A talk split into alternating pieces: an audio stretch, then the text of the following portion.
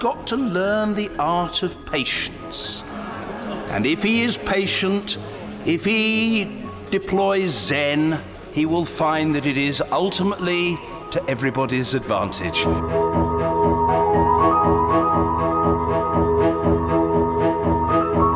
The Liberal Democrats and the former Conservative MPs that Boris Johnson chucked out just before the prorogation uh, say over and over again we will accept a whole range of people as the head of that government of national unity, but not Jeremy Corbyn. Uh, and the Labour Party turn around and say, we will only accept a government of national unity that is headed by Jeremy Corbyn.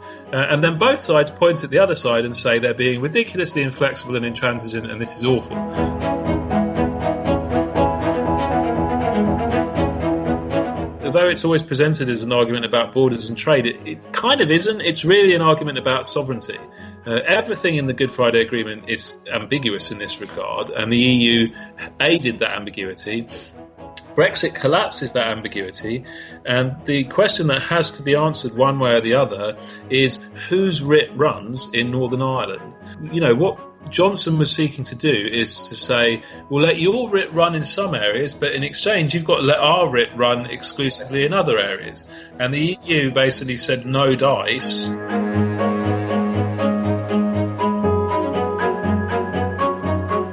Places where Labour is strong tend to be places where the Lib Dems are weak, and vice versa. Uh, and that creates a real problem for the Conservatives because a split vote doesn't necessarily help them. Conversely, it's the opposite when it comes to the Conservatives and the Brexit Party. The Brexit Party tend to be strongest in places where the Conservatives are also strongest. So a split on the Leave side is much more problematic for the Conservatives than a split on the Remain side is for Labour.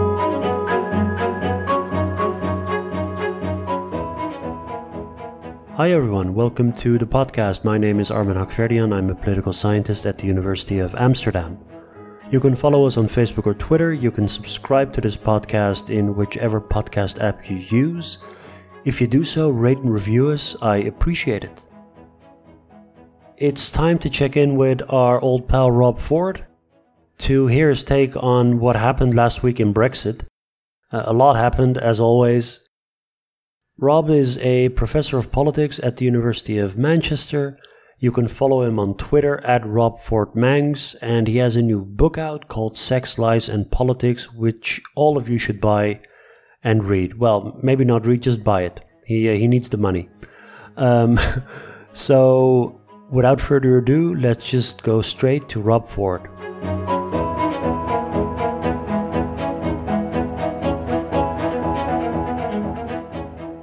Okay, everyone, joining me on Skype, it's our senior Brexit correspondent. It's Rob Ford. Rob, what's up? Hey, how you doing, Armen? Pretty good. How are you? I'm good. I'm good. Uh, I'm uh, I'm psyched. I'm pumped. I'm ready. I'm being told every day on the radio, 50 times a day, be ready.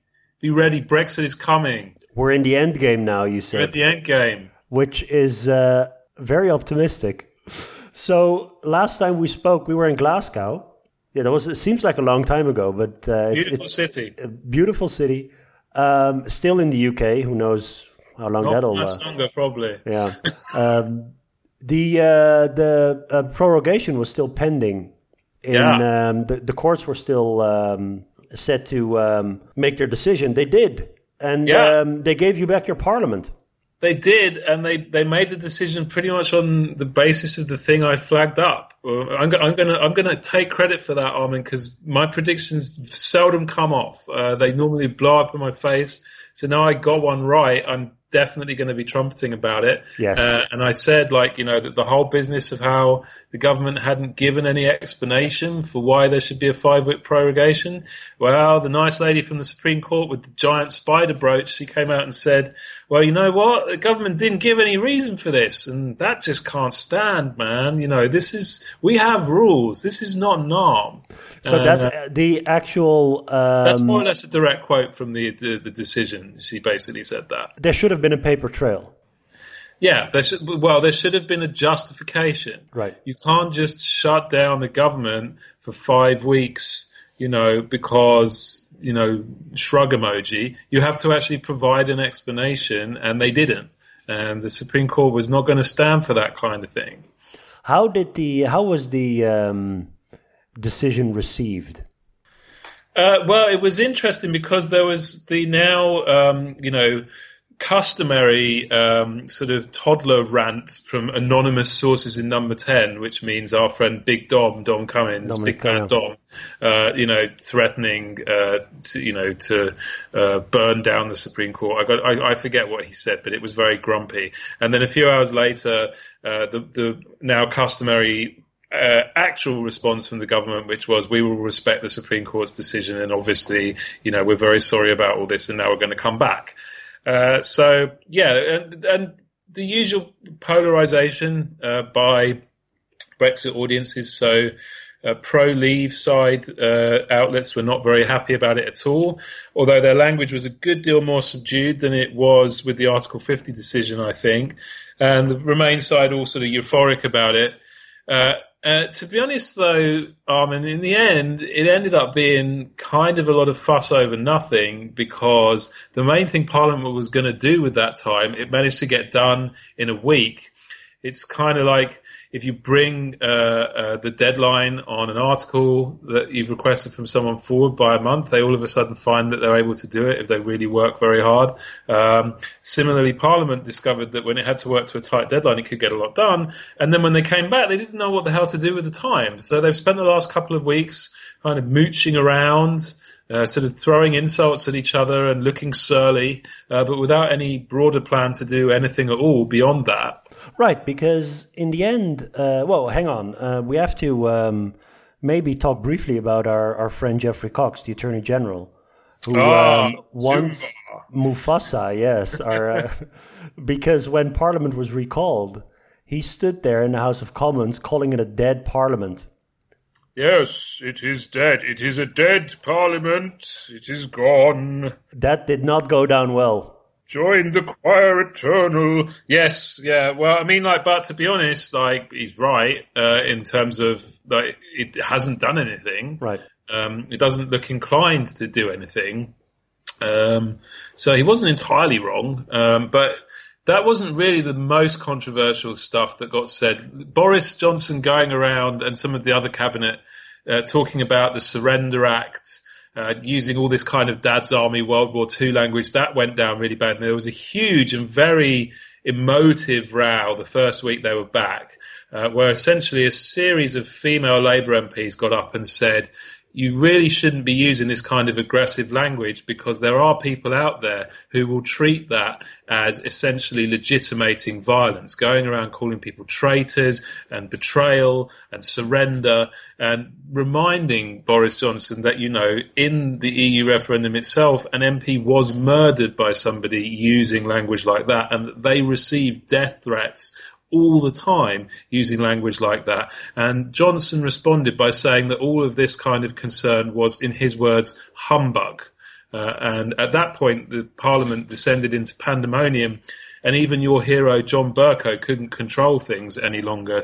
So there was an awful lot of very, very angry uh, shouting and so forth seems an awfully long time ago now. I remember the, the day itself, but you know, things move so fast here. But it, it, was extraordinary and it was unprecedented. And uh, it was an extraordinarily strange move strategically by Johnson because he does still need, probably, some of these Labour MPs to vote for his deal if he ever gets one, uh, unless the composition of Parliament changes. So to go out of his way to really anger them like that was very strange. But to be honest, that was more or less the only notable uh, episode that I can remember from the whole period in Parliament since it's since it's been recalled. Because uh, obviously the prorogation of Parliament was hugely problematic. It has been recalled by the courts, but yeah. we have to be honest about the fact that the House of Commons has not been really functioning well during this entire Brexit saga, no. right? I mean, it's not as if Parliament have endeared themselves to the British public, whether on the Remain or the Leave side. No, and it's a problem we've discussed before, of, of course, in, in these um, regular misses from, from my failed state, um, uh, which is that our political system is really not very well culturally set up for the kind of cross party cooperation that you need uh, for things to happen in a parliament where nobody has a majority. I mean, you guys in the Netherlands are much more used uh, to all the kind of institutional and cultural compromises that you need to make that kind of thing work. And even in the Netherlands, it doesn't always work perfectly. Um, but here, I mean, I'll give you one example. Once again, you know, looking for something essentially to fill the time with, a lot of the Remain MPs started to resuscitate this idea of a government of national unity, uh, the GNU, uh, as it gets called uh, in all the press now. And it all fell down because uh, the Liberal Democrats and the former Conservative MPs that Boris Johnson chucked out just before the prorogation uh, say over and over again we will accept a whole range of people as the head of that government of national unity, but not Jeremy Corbyn. Uh, and the Labour Party turn around and say, we will only accept a government of national unity that is headed by Jeremy Corbyn. Uh, and then both sides point at the other side and say they're being ridiculously inflexible and intransigent and this is awful. And, you know, you, you kind of watch this from the outside and throw your hands up in the air but then with your political science hat on, you say, well, you know, this kind of makes total sense. None of these people are expecting this parliament to last very long. None of these people are expecting it to get anything done. The whole business of saying they want a government of national unity is really for show. Um, they just want to look like the ones who are being, you know, statesmanlike. And why would the main opposition party uh, uh, accept or concede that their critics have a point when they say that their leader is not fit for office. They're never going to do that. And why would the smaller opposition parties, who know that most of their votes come from people who really hate Jeremy Corbyn, announce that they're going to put Jeremy Corbyn into number 10? That would be electoral suicide for them too. And part of the problem is that we just don't have those kind of institutional and cultural precedents for building that kind of cooperation. Uh, everyone's having to sort of fly by the seat of their pants, and in those situations, their main barometer is still going to be party interest. And so when party interest doesn't align with the interests of other parties, nothing happens. But that also basically means there's no alternative to this uh, Johnson administration, even nope. if there were to, uh, you know, they were to pass some sort of a uh, vote of no confidence. Uh, yep. There's simply no alternative government. So, I mean, you might think if they were actually concerned that no deal was going to happen, that maybe, you know, under this pressure cooker arrangement, they would come to terms, the opposition, I mean, mm-hmm, uh, as mm-hmm. a way to prevent no deal. But it seems like they're not in panic mode yet. No, no, no, they're, they're, they're not. not. They're not uh, panicking enough. to accept either uh, you know Ken Clarke or John Bercow, even I heard, as a figure of national unity, or uh, or for the others to accept Jeremy Corbyn. Well, you'd, you'd love John Bercow as PM, wouldn't you? I mean, I think we all, um, for a day or two at least. Yeah, yeah, why not? but would, would he carry on shouting order just out of habit? Well, weird thing is though, he's he's not really a figure of national unity, is he? He might he might. I mean, he's quite a polarizing figure. Yeah, uh, he, he, wouldn't be the great unifier. That's that's no. for sure. Uh, but but you're right. The, the, the sense of urgency fell out of the whole process as soon as the Benn bill got passed. And then there was all this paranoia about whether or not the government might just disobey the law.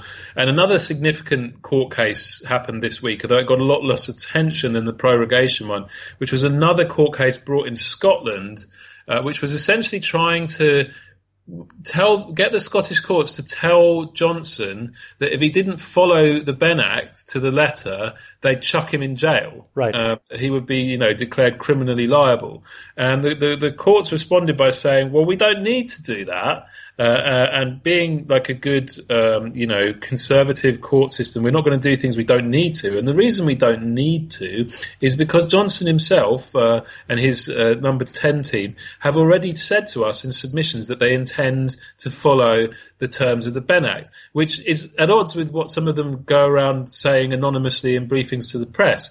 But the fact that that's what they've said in court documents that are, you know, binding and that the, the judges have said, if you renege on this, we will reconsider this, um, suggests that they do intend to go ahead with it. And a lot of their behaviour since has looked like they're beginning to seek to frame the fact that they're going to have to ask for an extension in terms of, you know, these treacherous Remainers, treacherous courts, treacherous parliament, undermining Brexit and so forth. So they've kind of conceded the point in a way um, that uh, they're going to have to do this. So there was this very made big big uh, splash last weekend. This this very long text message.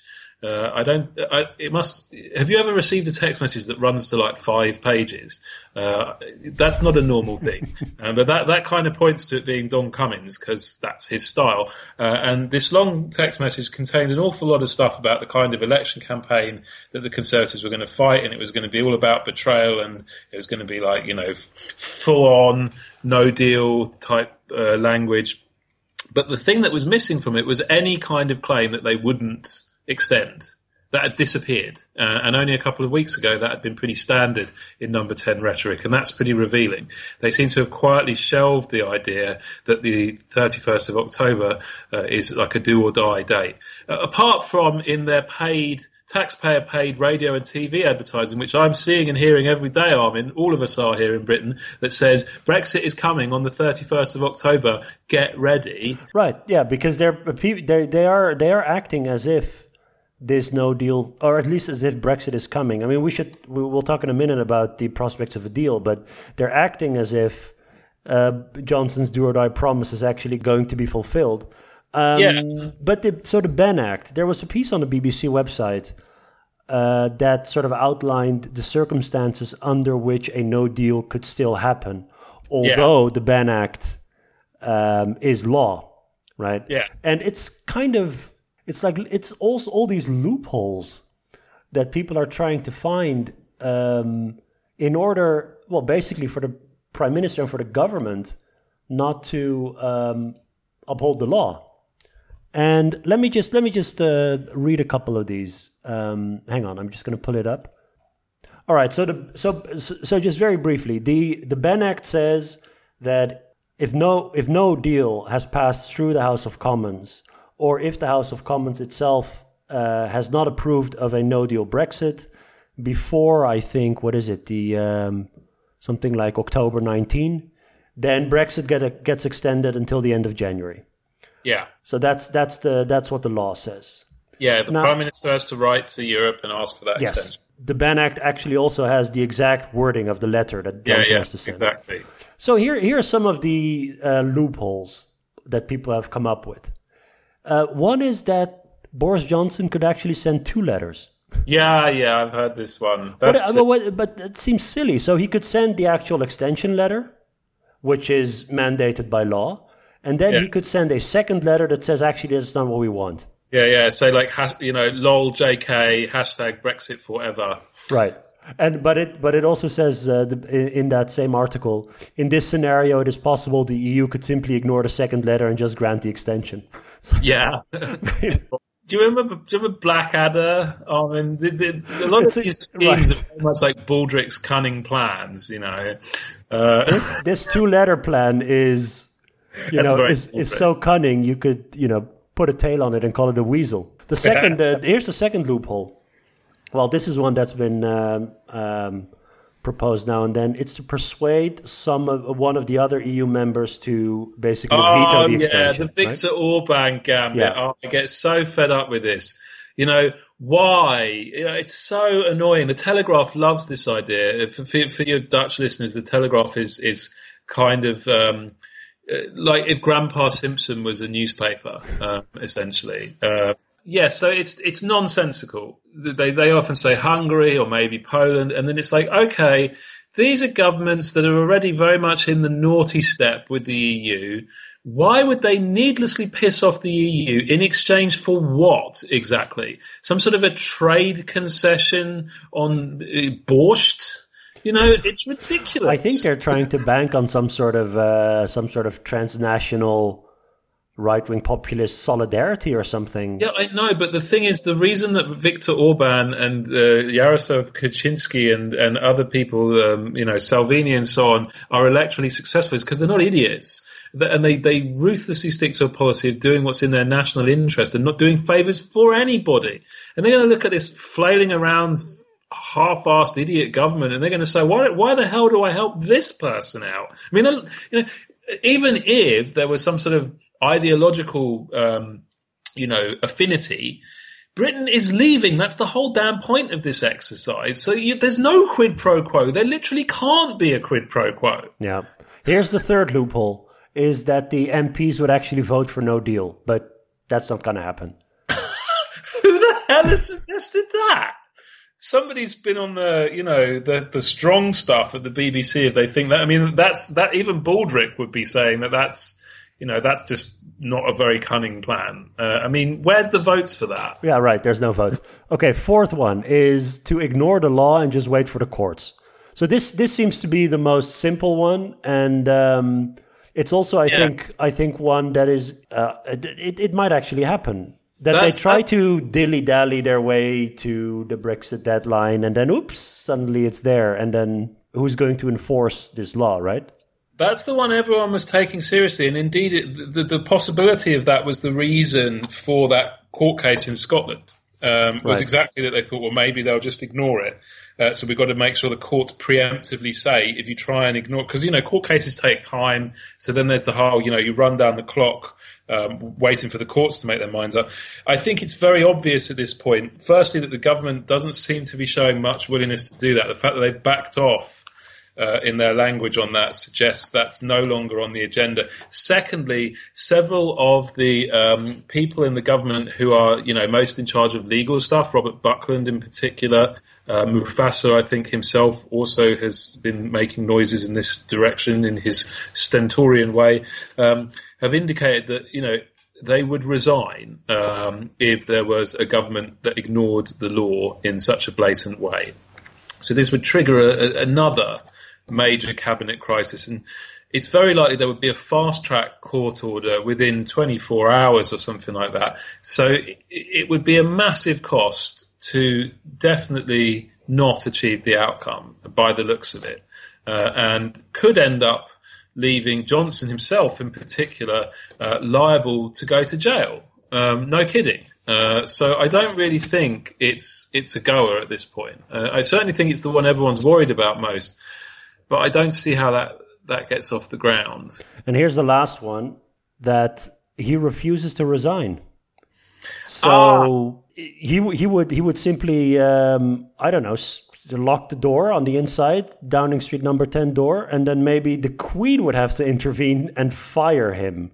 Yeah, and I was I was hoping you'd bring this one up because have you watched The Crown, Armen? I have watched The Crown, love it. Do you remember the wonderful Tommy Lascelles? Yes, yes. The, the, ramrod straight chap with the funny bowler hat and the little dogs and the massive moustache, who wore an expression constantly like someone had just trampled on his daffodils, and he was very unhappy about it. He was uh, not a happy guy. I remember no, that. He was a guy who took great pleasure in being unhappy with the world and everyone in it.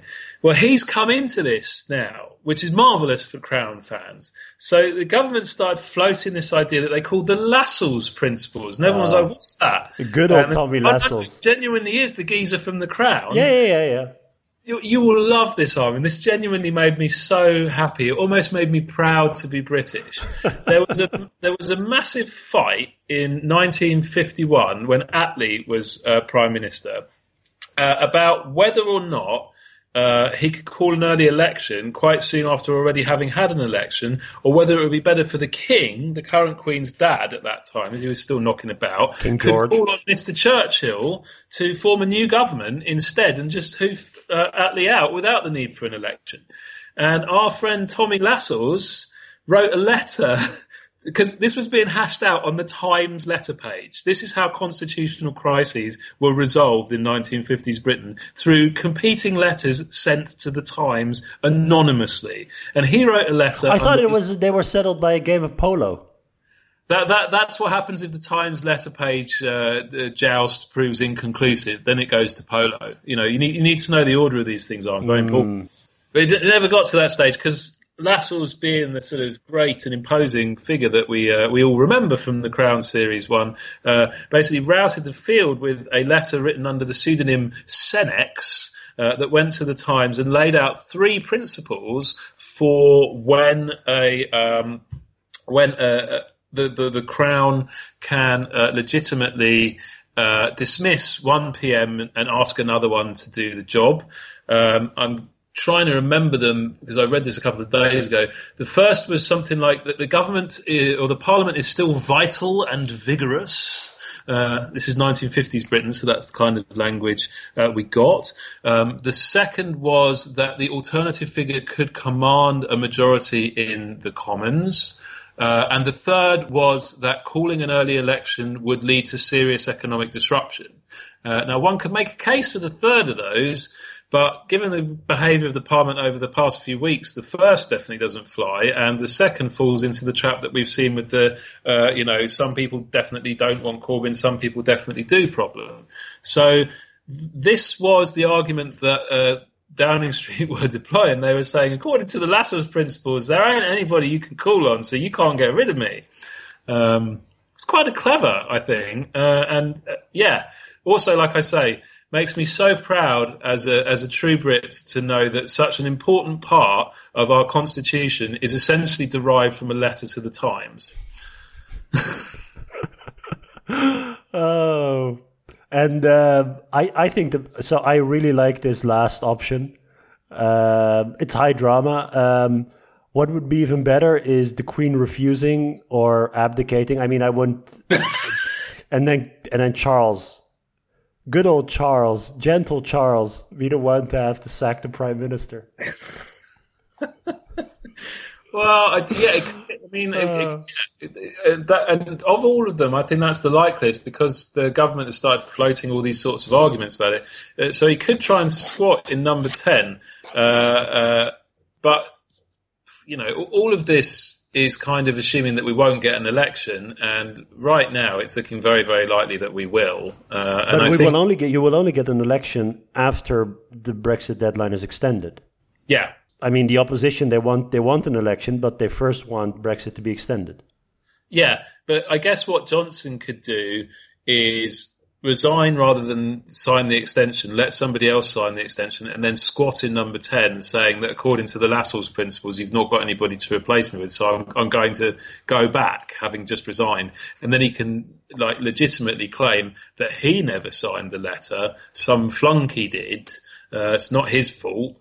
Um, and then fight the election on that basis because although he's resigned, they haven't been able to replace him, so technically he's still the PM or something like right. that.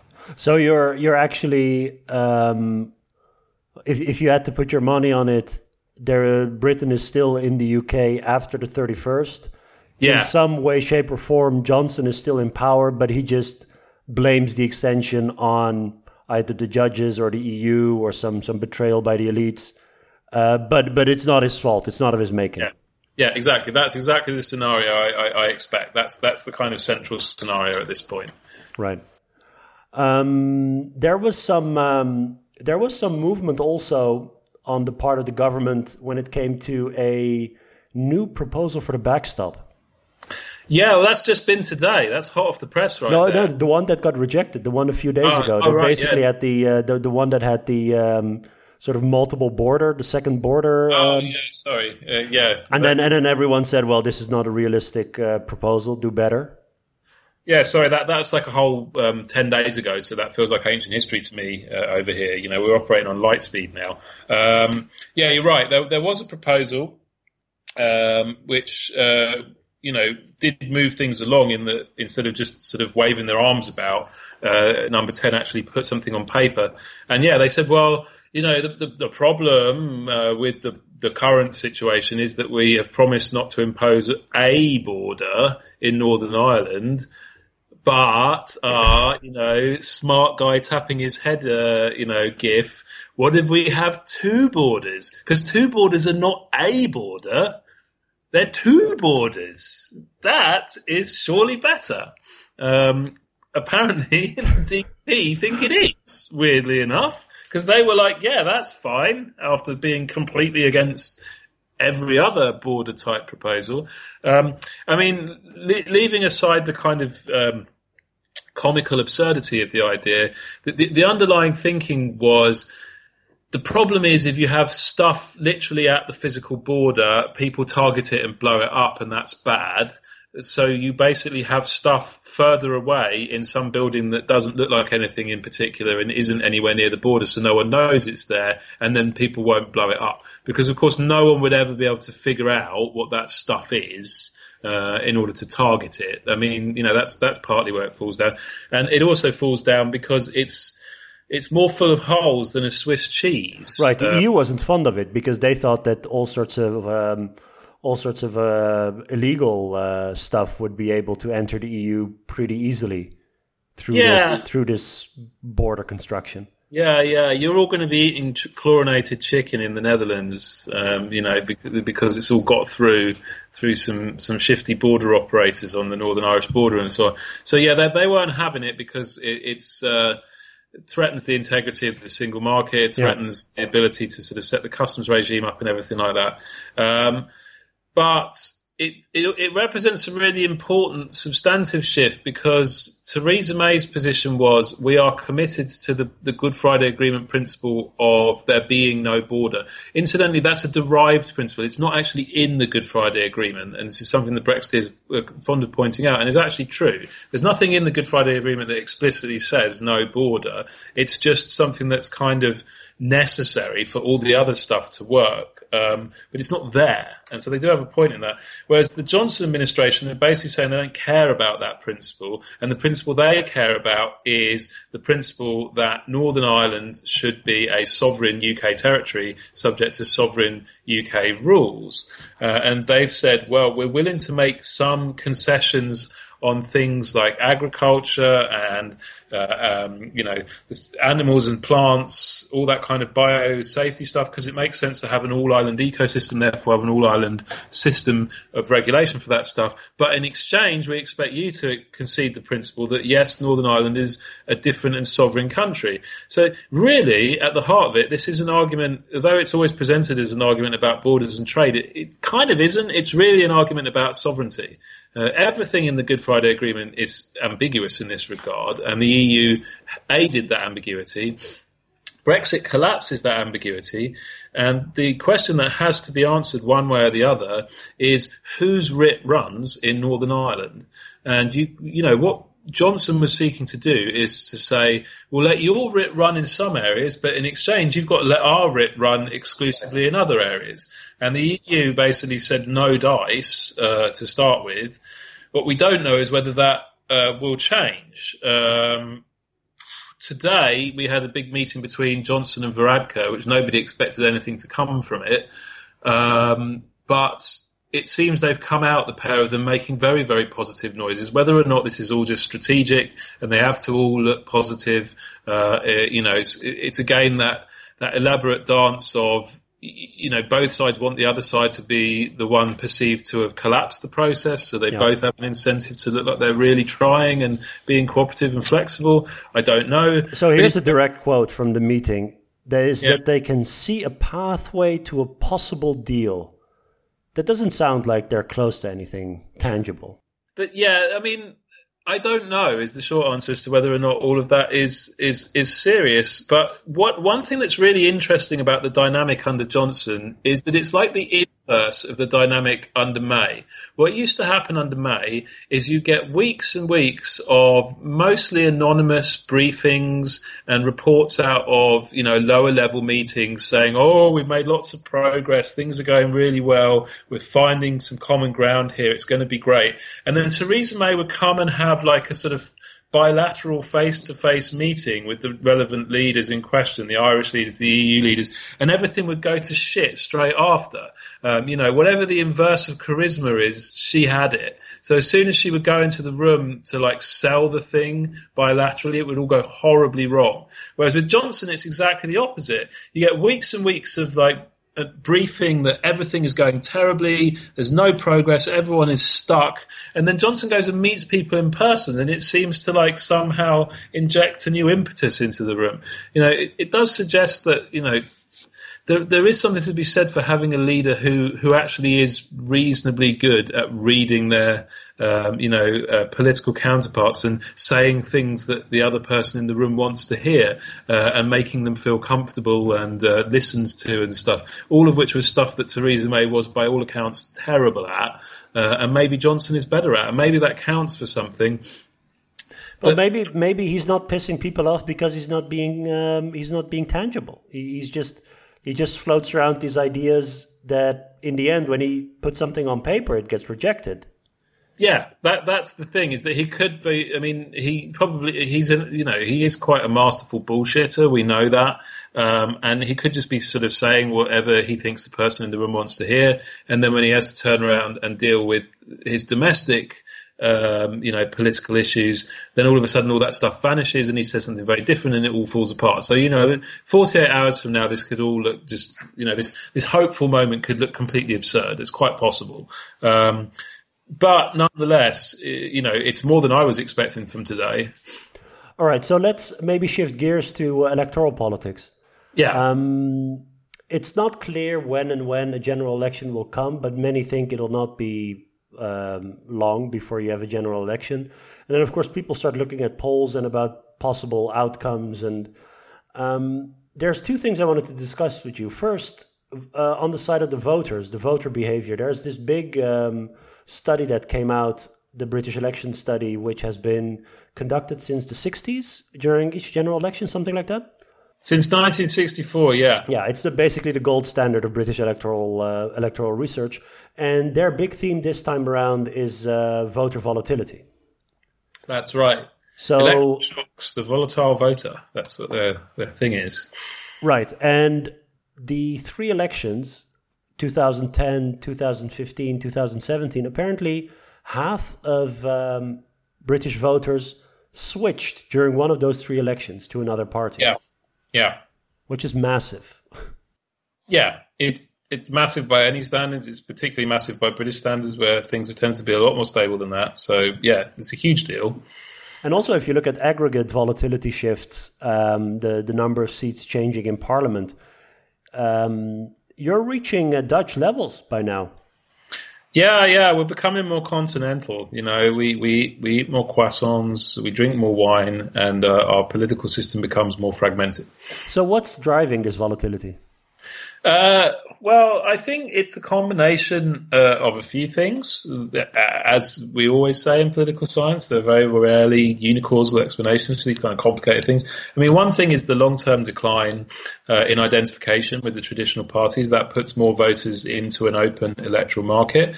The second is the mobilization of kind of new cross-cutting divides. Brexit is obviously the sort of primary one that we saw in the last election, but before that we had immigration, uh, we had um, nationalism in Scotland, which has completely realigned Scottish politics.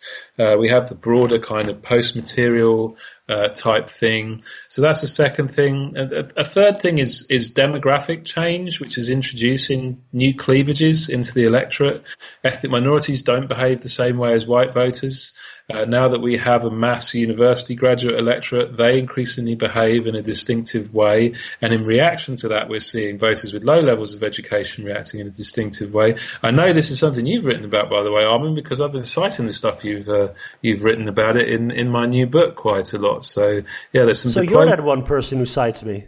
I am indeed, yeah. You know, somebody has to. Somebody has to. Uh, one thing that surprised me as I was reading the the press releases is um, that nowadays those issues you're talking about that are actually that cross-cut the uh, age-old, let's say, class-based economic left-right stuff that I was yeah. That has pretty much shaped entire post-war British politics. Nowadays, those new issues, Europe and immigration, they have about the same sort of predictive power on on, on voting as do these classical issues, yeah, the classical left-right issues, which is quite a big big deal. Yeah, although as as you say, it's the same level of power. It's not more power. No, so, no, exactly. No, no, no. It's yeah. And that's an important element of where we are, and it adds to the unpredictability of everything. It's that rather than replacing the old divides, what's exactly. happening? Yeah. These new divides are getting layered on top of the old divides. Uh, which makes for much more uh, instability, much more unpredictability, much more fragmentation. Because which of these divides people emphasize most can vary from election to election. Uh, with you know multiple divides in play, you can have multiple parties in play, and you know all of this gets uh, is playing out in an electoral system that's singularly poorly designed to accommodate it, as, as you know we've discussed before on this podcast, uh, and so that's making things well, you know, I think the BES team said that volatility-wise, it's uh, it's the highest since the 1920s or 1930s. I think uncertainty-wise as well, it's probably the highest since at least that period in our history as well. Right, because of course people then look at the polling, and you might even look at these individual level voter shifts between one party to the next. In the end, as you say, that doesn't matter for the election outcome because you don't tally up the votes. Um, you have to actually look at where parties compete in which constituencies. Yeah. So, is there any way that you can explain the current dynamic? Um, why? So, for instance, the conservatives are leading the polls, and in many polls, they're leading by um, you know quite a sizable amount. And you know, people I think are right in saying that the Remain vote is split. Yeah. And but why doesn't that translate necessarily to a conservative landslide? Because it all depends where your votes are, not just how many you have. So, say the Conservatives lead by seven points or so, which is about the average in the polling now. So they're, they're in the low 30s.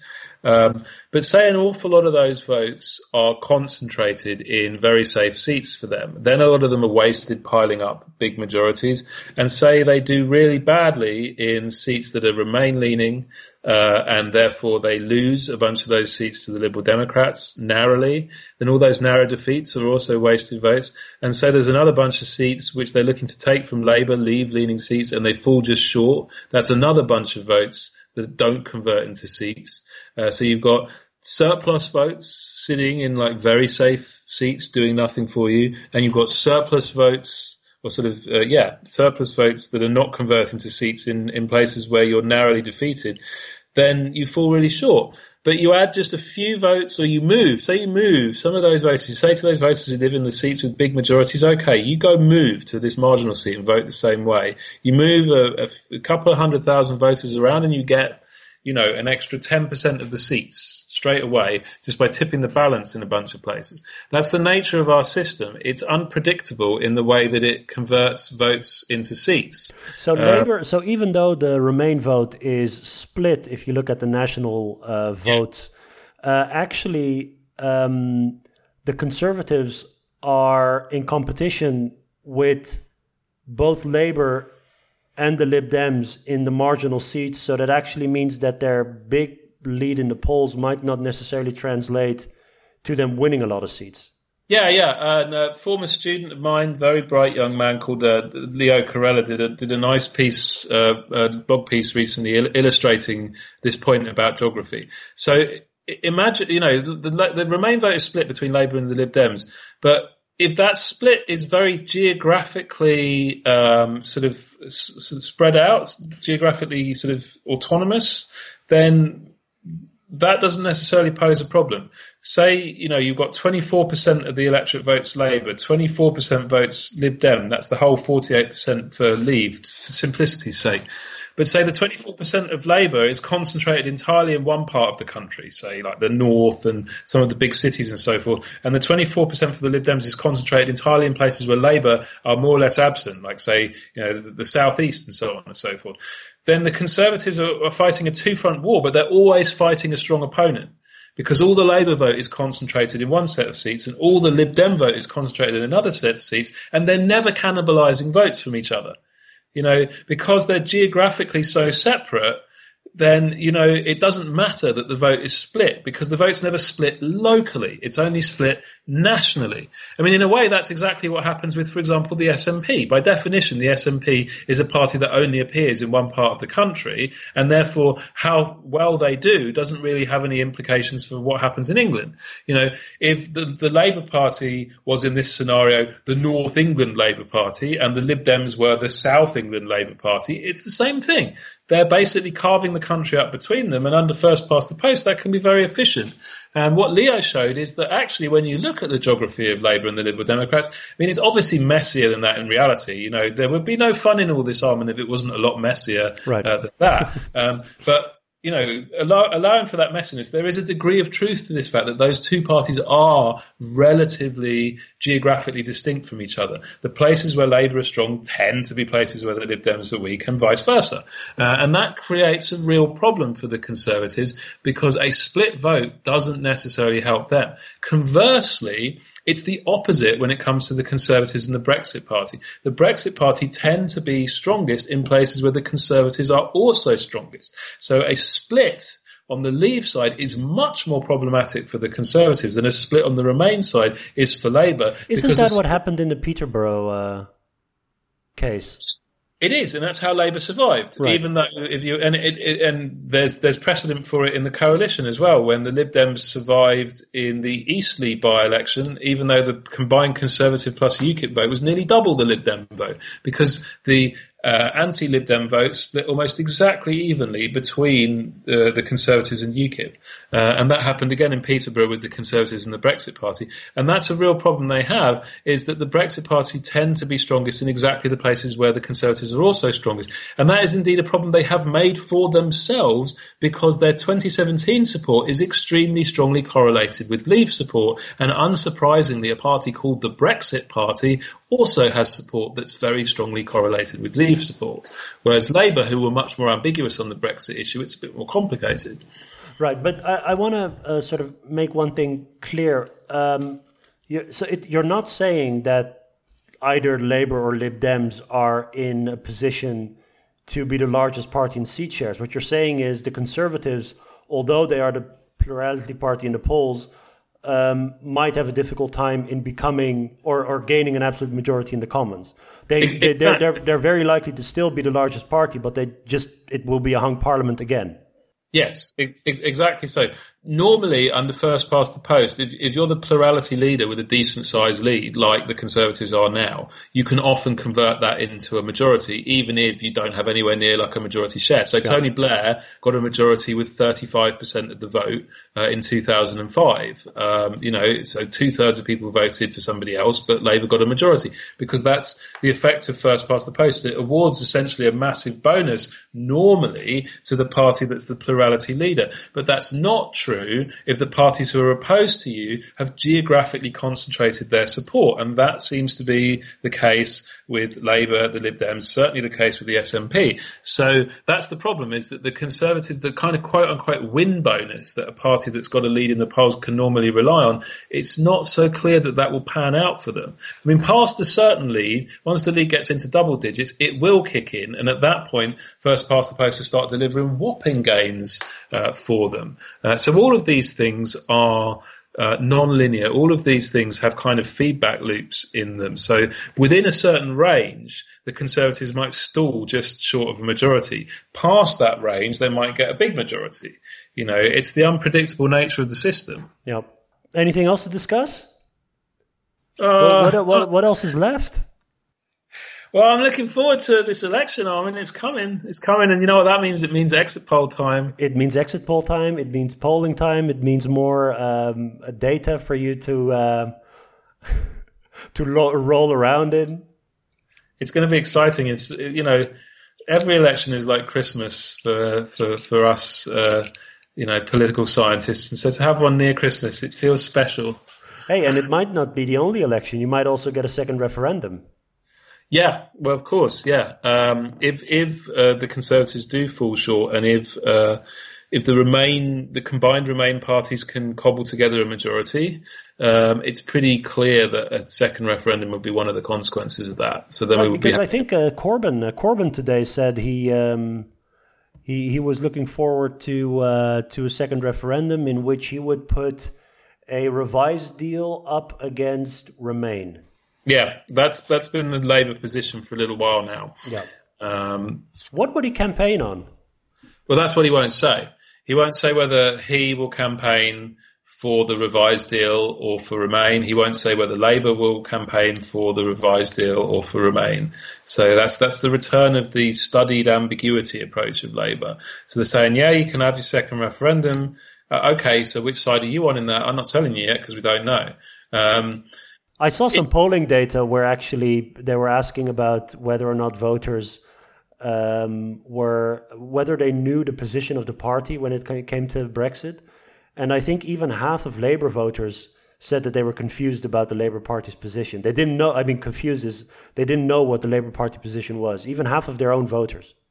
Yeah, although it is important to bear in mind, I mean, this they catch a lot of flack for this, but I'm conscious of the fact they caught a lot of flack for this in 2017, uh, and and they came out being able to say, uh, you know, we were right, you were wrong. Um, so that's not a bug; it's a feature. They want everyone to think of their Brexit position as ambiguous because they want Remainers to be able to read a Remain position into it. They want Leavers to be able to read a Leave or a, Remain enough position into it, and they want Leavers to believe in Leave seats that they want to hold that um, you know that they are leave enough that they actually will seek to, to leave the EU. Um, and that worked for them in 2017, which in my view is the reason they're persisting with it. But it's so tricky. It's, it's really risky because we're two years, two years uh, later um, and the, the, it's polarized. A lot of these people who, who are Remain might as well just go to the uh, Liberal Democrats and the Leavers might go to the, uh, to the Tories because at least then you know what you're getting. Yeah, it's a high that, it's a high stakes gamble.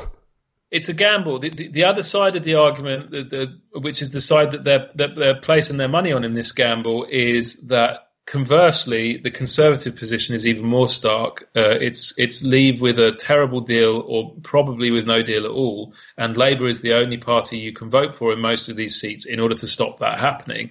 And that that is a gamble that paid handsome dividends to them in 2017. So their big gamble this time is that they can double down on exactly the same bet put all the money on red again and that it will come off again. And if you were to ask me right now, uh, and I'll say it on the record, which side of that gamble I think is more likely to come up trumps, I honestly don't know. I honestly don't know. Um, so much also depends on things like turnout and whether whether I mean he got a lot of support from young people last time round. Yeah, many of them uh, must be frustrated with his Brexit um, stance.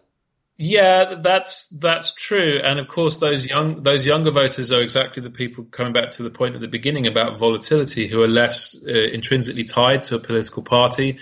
Um, they may be less easily swayed by these kind of you know second best is good enough type arguments.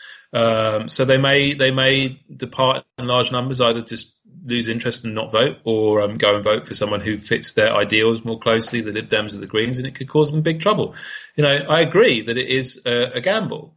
Um, on the other hand, they could get a lot of additional votes from Remain leaning uh, conservative supporters who absolutely hate the idea of no deal, uh, which is now a genuine thing in a way that it wasn't two years ago. That's the other side of the gamble. This is, this is, I mean, there is a very strong Labour of being dumb about this narrative, and I have a lot of sympathy for it. But I I try to lean into the wind on this because I had a lot of sympathy for it two years ago, and it turned out that they were right. Uh, so I'm conscious of the fact that the predominant narrative in March 2017 was Labour are going to head off. They're basically sailing themselves happily over the Niagara Falls and they're going to be smashed to bits. Everyone believed that. Everyone in the media believed that. Everybody in the Labour Party, apart from a few people in Corbyn's office, believe that, and it didn't happen. And that's that's the nature of a volatile election: is that committing to any "this is definitely the way it's going to go" type narrative strikes me as very dangerous at the moment. We've got to keep our minds open to alternative, surprising things that might happen. These are interesting times, Rob. They are. Hey, and next week, uh, I'm sure. We'll, I'm sure we'll talk next week. Uh, that's after the uh, European Council. Um, the big one. Yeah, we have we have a Saturday sitting of Parliament next week, Armen. Right. I'm not sure if they turn it into a disco at 8 p.m. Um, you know, uh, it's not been done since 1982. I, I read somewhere that uh, that that last two times it happened was during the Falklands and I think the start of, of the Second World War. Yeah, which is so, sounds ominous. Exactly. I mean, again, this this strikes me as as uh, the Johnson administration going for the the big symbolism, whether or not there'll be anything to discuss. But okay, I, am going to risk something here because I made a prediction that came off last time. So now I'm going to make. Oh, you're getting cocky. Certainly, yeah, I'm getting cocky. You know, I'm I'm like the guy at the casino who just won and now he's going to put all his money down again and lose it, and the, the casino will be very happy. But what I'm going to say is that I reckon that Johnson will table a deal at that uh, uh, meeting of Parliament on on next Saturday. It may not be a deal that has any prospect of passing as far as the EU are concerned, um, but he will table it for the purposes of showing that there's a majority in Parliament for it. Um, it seems to me that that's where everything is pointing um, we've we've seen that the DUP have come out in favour of the principles of what he's arguing for. We've seen positive noises uh, from the the Eurosceptic Spartan people who haven't been positive about anything before, um, and we've seen cautiously positive noises even from a few Labour MPs. And I suspect he will chance his arm because he'll feel that his "I'm being frustrated by Brussels" narrative will be all the stronger if he can point out that he got a parliamentary majority for some principles of a deal. So I think he will put something to a vote uh, at the end of next week. Even though he comes empty handed out of Brussels, he would yeah. put that up to a vote to show that actually that is a deal that would pass Parliament. He would put the principles of his deal to a vote in order to show that there's a majority for them, to show that what Brussels is doing is frustrating the will of the British, not just the British people, but the British Parliament. Um, I think there's a lot of symbolic value in that. Um, and, you know, he's already in election campaign mode. So, yeah, you, you know, think the people that he chucked out of his party, the Ken Clarkes and the, and they'll the, vote for it. Yeah, they'll vote they've, for that. They've said they'll vote for any deal over no deal. Um, and I, I, I, th- I think they will vote for something like that. Um, so, I, I, mean, it may not work. It may fall by a few votes or something like that. But I suspect that he he thinks he has the votes to, to win a vote like that, and I think he may well he may well go for it. Um, I like it. It's a bold prediction. Yeah. Yeah, it'll probably go horribly wrong. I mean, you know, like most gamblers who, who have a lucky win, uh, I'll probably end up with nothing. But you know, at least it'll give us something tried. to. Yes. All right, hang in there, buddy. Thanks for your time. All right, cheers, Armen. See you later.